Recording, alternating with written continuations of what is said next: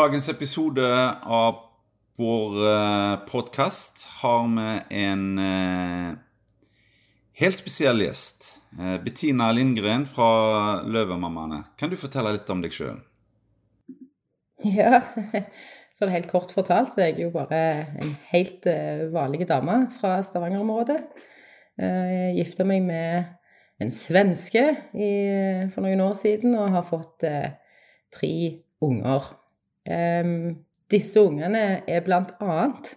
mitt uh, utgangspunkt og bunner liksom i mitt engasjement for uh, kronisk syke og funksjonshemmedes rettigheter, da spesielt barn og unge. Uh, så det er vel liksom sånn helt, helt kort. Så kan jeg jo nevne at jeg er samfunnsengasjert og, og alltid har hatt en veldig sterk rettferdighetssans. Så det gjør jo at jeg er lett å fyre opp hvis noe er urettferdig. Eh, og, og, det var jo det jeg ble i 2017, når det ble kutta i pleiepengeordningen. Eh, da, da, tente jeg på alle plugger, og, og, sammen med en gjeng andre mødre så, så tok vi kampen. Ja. Det er ofte sånn. Det det er litt sånn enkeltsaker som gjør at du blir engasjert. Men eh, løvemammaene, hva var det som gjorde at du ble en løvemamma, og, og hva er løvemammaene? Ja um det er jo bare genetikk som gjorde at jeg ble en løvemamma. Meg og mannen min fungerer på absolutt alle områder utenom den genetiske kombinasjonen. Så um, vi, fikk, eh, vi, fikk, jo da tre unger på rekke og rad, eh, og det har vist seg at uh, de har hatt en del helseutfordringer. Og, og, det har jo da resultert i at vi har vært avhengig av hjelp og bistand fra det offentlige bl.a. I, i mange år. Og det kan jo være litt av en utfordring. Jeg pleier jo å si det, altså, at det er ikke ungene som sliter oss ut, det er systemet rundt. Og det kan nok mange kjenne seg igjen i. Så um, det at de har eh, så mange større og mindre og komplekse eh, utfordringer rent sånn helsemessig, men òg funksjonsmessig, gjorde jo at jeg eh, som sagt kasta meg rundt når vi skulle ta, den, ta denne her pleiepengekampen sant, i 2017. Og der møtte jeg eh, en gjeng mødre som var sånn som meg. Det var ganske fantastisk å, å finne det fellesskapet. Det hadde jeg savna i veldig mange år. Så selv om det var litt dumt og unødvendig å, ta, å måtte ta nok en kamp eh, mot systemet, så var det òg veldig fint, fordi at eh, jeg opplevde et samhold og et fellesskap eh, der som jeg ikke hadde hatt før. Og det var nok de andre òg veldig enige i. Eh, og sammen bestemte vi oss for å starte Løvemammaene. Eh, så den oppsto i kjølvannet av, av pleiepengeaksjonen. Og har nå vært en formell, eller offentlig, eller hva du kaller det, organisasjon i to år. Så du var med helt fra begynnelsen, du, da? Ja, var med og starta det opp. Mm. Ja, altså, Dere driver jo med så mye forskjellig, eh, og jeg ser dere popper jo opp overalt. Men hva er, det, hva er det viktigste du føler at dere eh, driver med, egentlig? Oh, ja, som du sier, mye forskjellig. Det er mye som er viktig. Det er vanskelig å plukke ut noe. Men jeg, jeg tror kanskje at um, blant de viktigste tingene vi gjør, så er det opplysningsarbeid. Det å hjelpe og veilede andre foreldre som er i vår situasjon Eh, du finner fram i den jungelen av rettigheter. Bistå de um, når de opplever å få avslag osv. osv. Uh, men òg det at vi er en sånn kompromissløs gjeng.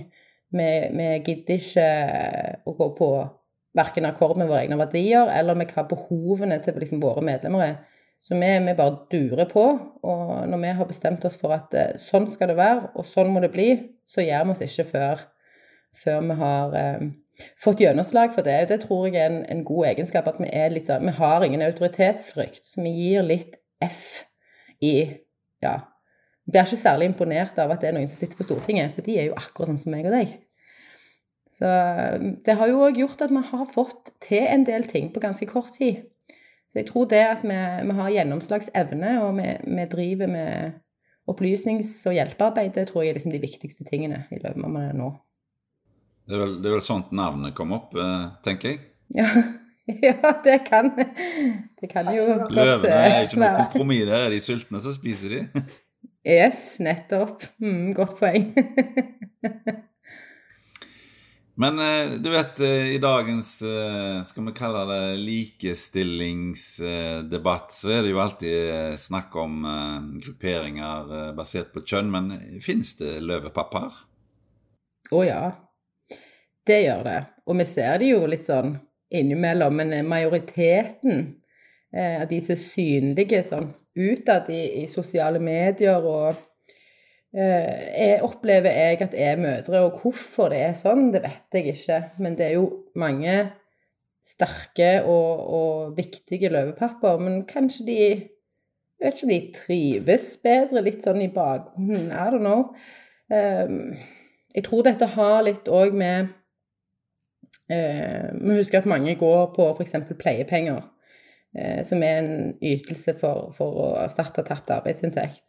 Eh, og hvis en ser liksom på lønnsforskjellen i Norge, nå blir det jo kanskje litt sånn kjedelig akkurat dette her å snakke om, men jeg tror det er viktig.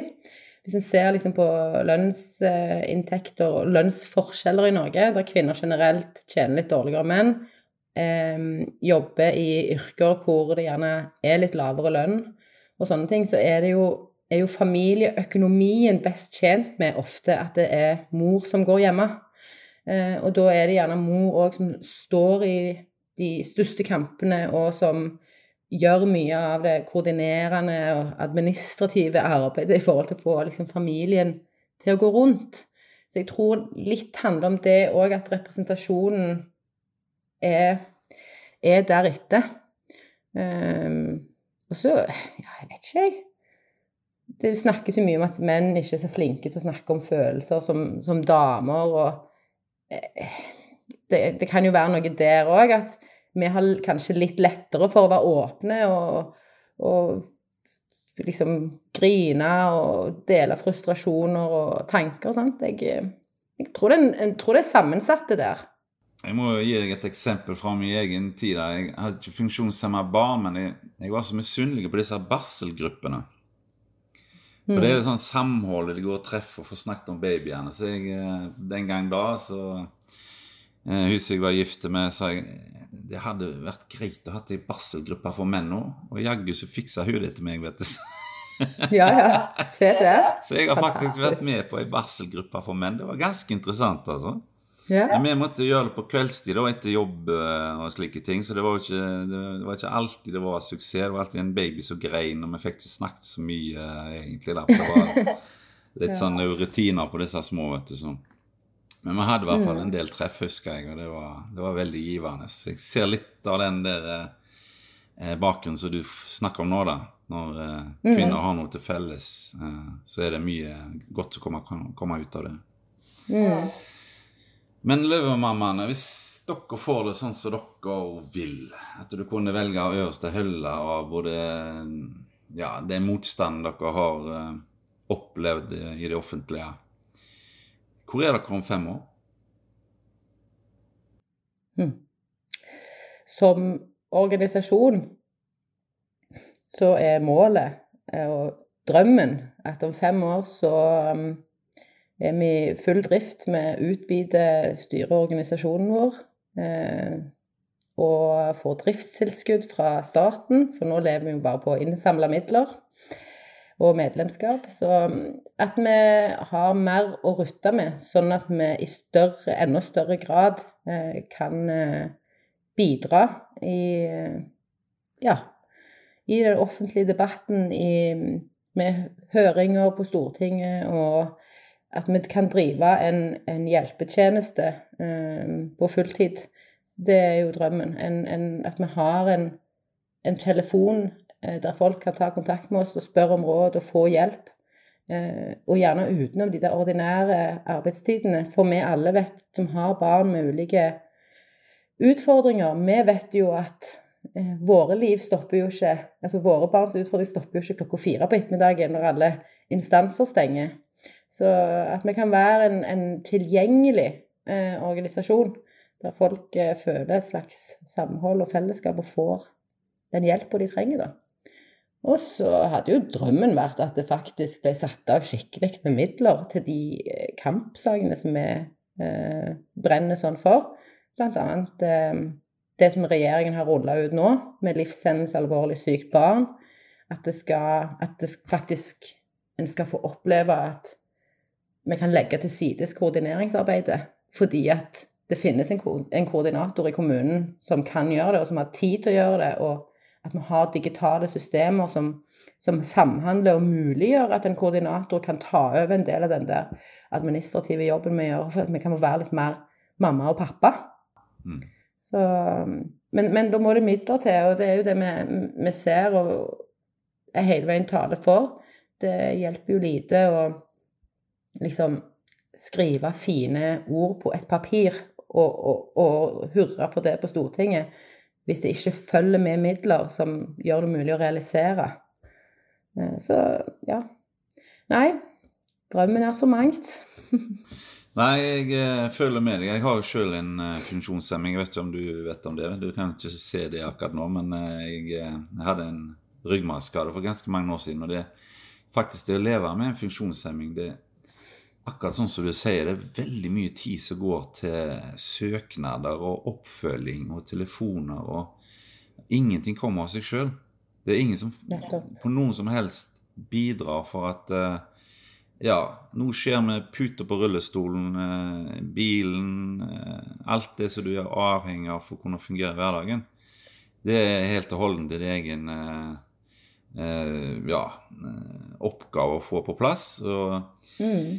Og, du kan ha en diskusjon skal det være sånn eller ei, men det kunne vært så mye enklere, tenker jeg, hvis systemet ja. hadde vært enklere. At ja. det må kunne gå an og så ingen som bestiller seg en ny pute hvis du ikke trenger den, tenker jeg. Nei, og det er det som er så utrolig provoserende òg, er at én ting er at vi er nødt til å holde i veldig mye av dette sjøl.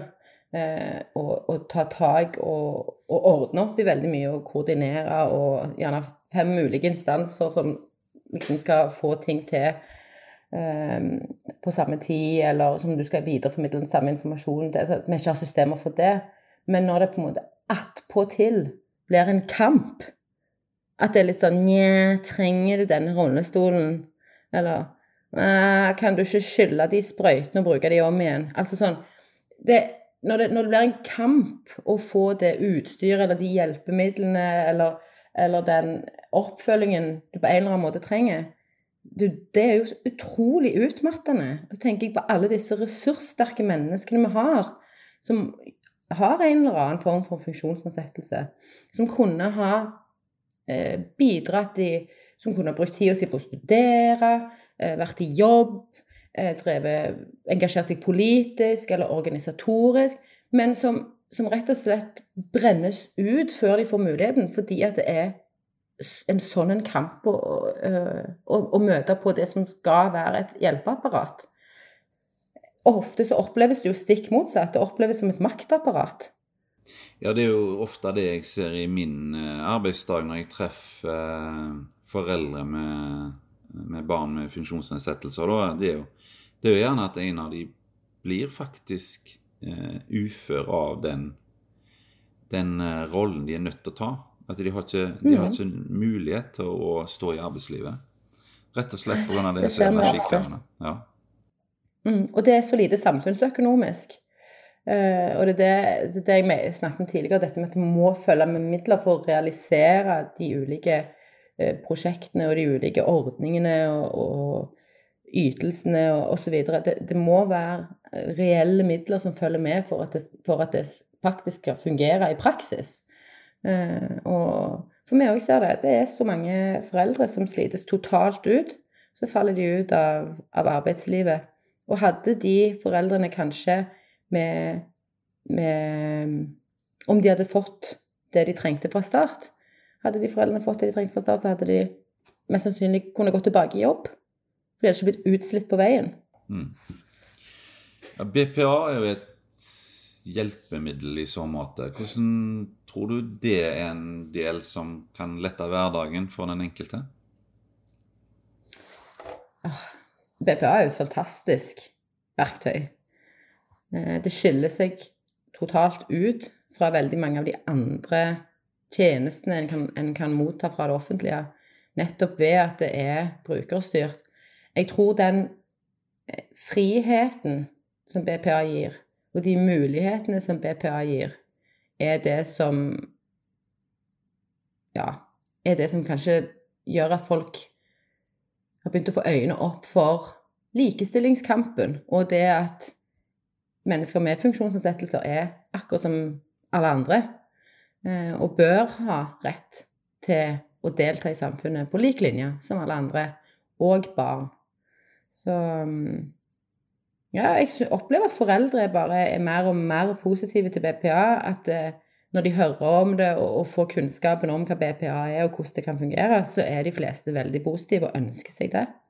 Men så er det jo utfordringer, da.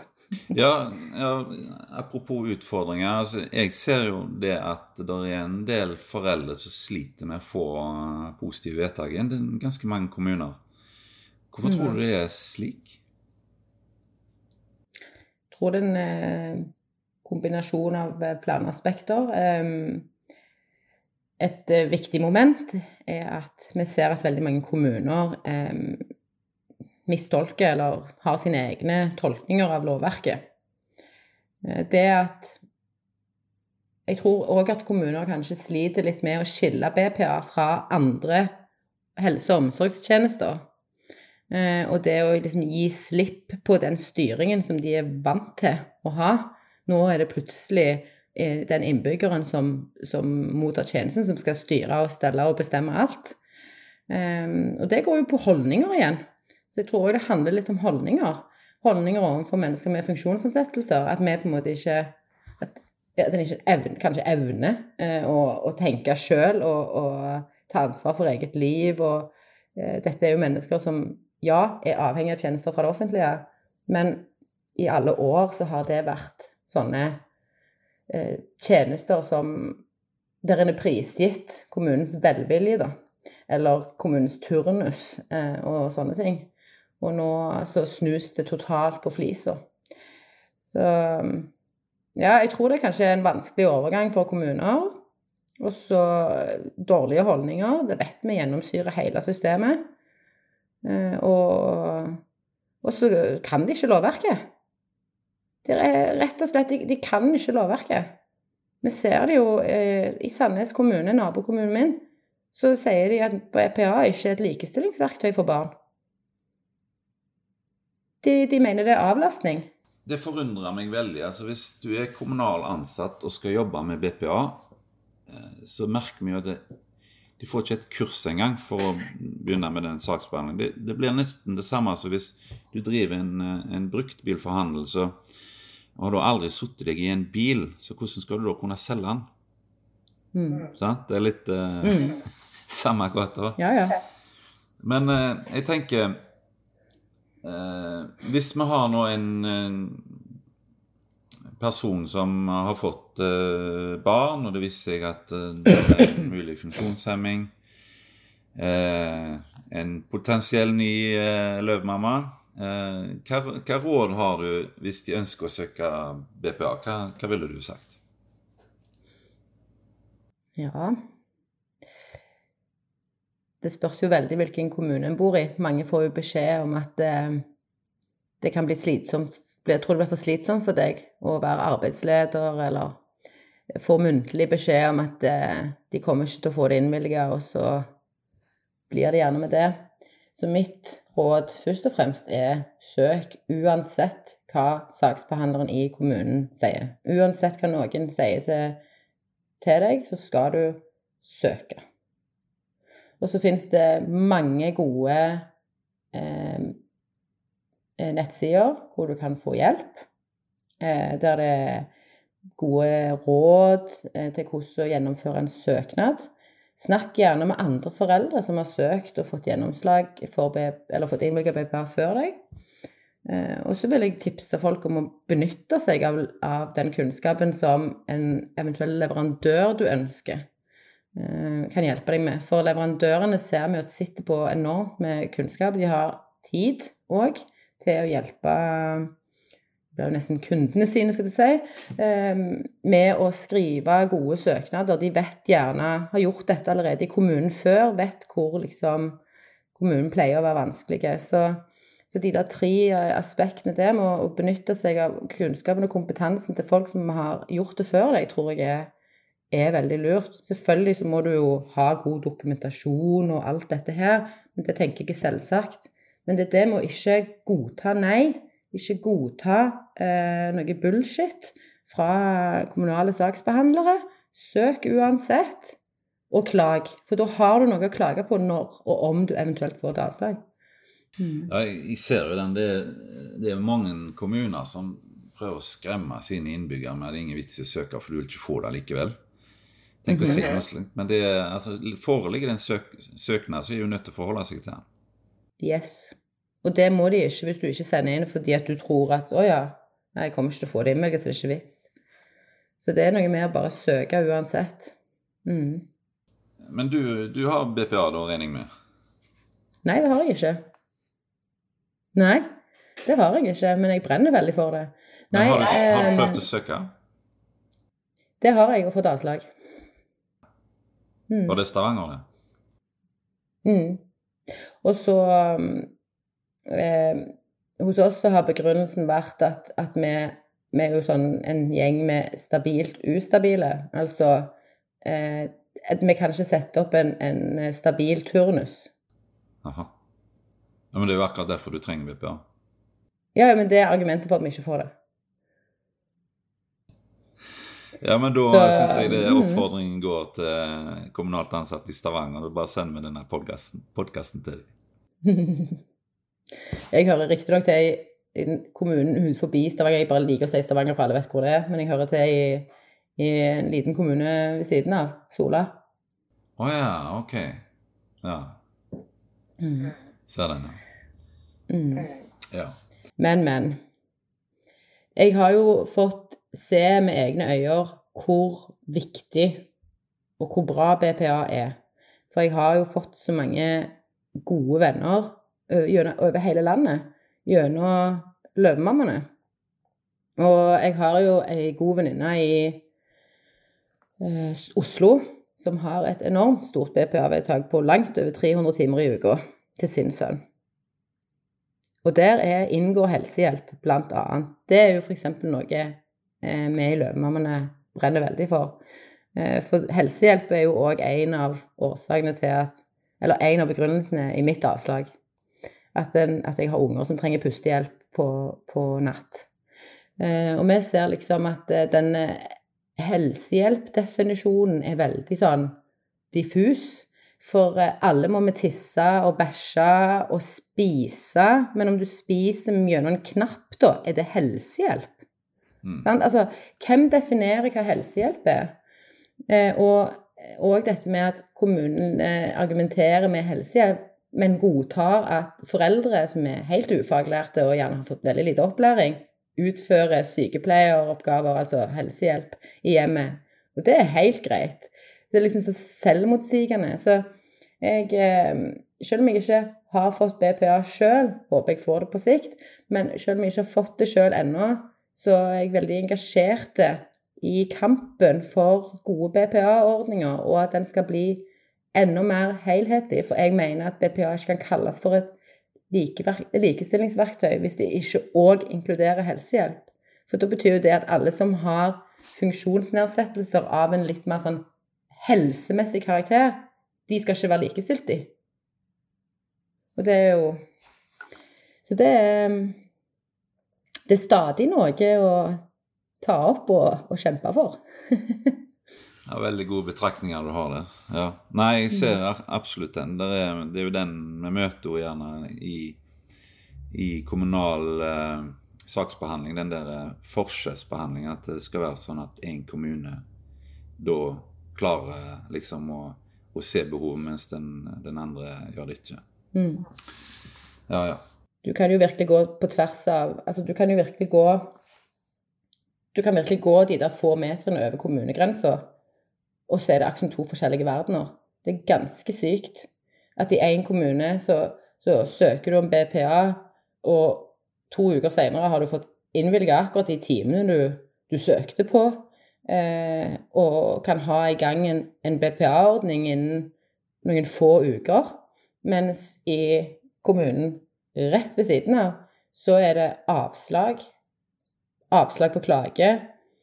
ett års saksbehandlingstid hos statsforvalteren og en evig sånn, kamp mot kommunen om å få forsvarlige tjenester. Da. For BPA kan saktens være en mye mer forsvarlig tjeneste enn f.eks. hjemmetjeneste, for barn og unge spesielt. Tenk deg den gjennomtrekken som er hjemmetjenesten. Det er ulik turnus fra uke til uke, ulike folk. Hvor, hvor, hvor, bra er det for et barn at det stadig kommer ukjente mennesker og skal på en måte ta på kroppen din, og, og, og at ja, det at du, du mister jo totalt den der tryggheten og forutsigbarheten som mange barn og unge trenger da. Så jeg tenker at kommuner må de må ta av seg skylappene og, og utvide horisonten litt og se på hva BPA faktisk er. Hvilket fantastisk verktøy det er for å likestille barn og unge og voksne, selvfølgelig. Men nå snakker jeg litt i forhold til min gruppe, ja. Eh, men, men se hva fantastisk verktøy det er for å sikre likestilling for barn og unge. Sikre at at eh, familier kan leve litt sånn harmonisk, og, og, og, og, at de kan få dra utenfor kommunegrensene på f.eks. ferie, hvis de vil det. Um, for det kan du jo ikke med de andre typer kommunale tjenester. Er da er du låst til å være innenfor kommunegrensene. Uh, og jeg tenker, hvor kult er det for en tiåring å gå i barnebursdag til kompisen med mamma på slep? Det er jo ikke stilig i det hele tatt. Det er mye kjekkere da å ha med seg en litt sånn hipp BPA-assistent som passer inn i den tiåringen sitt liv. Det er denne valgfriheten og, og, likestillingen har liksom Kommunene legger, liksom legger den eh, nederst i skuffen, og så sitter de der og, på sin høye hest og, og forvalter på en måte som ikke passer ikke inn med virkeligheten. Ja, ja ser det. Men vi er midt inni en uh, pandemi her, Bettina. Løvemammaene, hadde dere fysiske treff uh, før covid-19? Ja, vi hadde det. Og så har jo det blitt svært begrensa. Så vi har blitt digitale, vi òg nå. Er det noen planer om det når vaksinen begynner å virke? ja. Det, vi må jo få gjenopptatt det. Vi hadde jo store planer om at eh, 2021 skulle være det året der vi kunne arrangere medlemstreff i, i Oslo. Sant? Og ha ei sånn helg for, for, medlemmer. Det kommer jo ikke til å skje, det. Skjønner jo vi alle nå. Men eh, på sikt så håper vi det. Vi var jo òg så vidt i gang før pandemien med noe vi kaller tur og terapi. Eh, rett og slett at vi treffes ute, går tur og prater.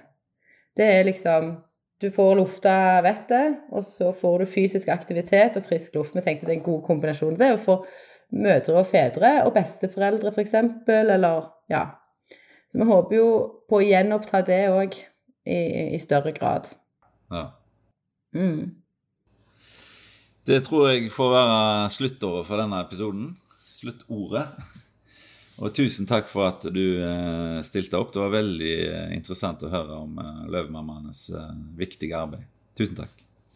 Tusen takk for at jeg fikk komme. BPA trenger ikke være vanskelig. Vil du vite mer? Besøk oss gjerne på miobpa.no.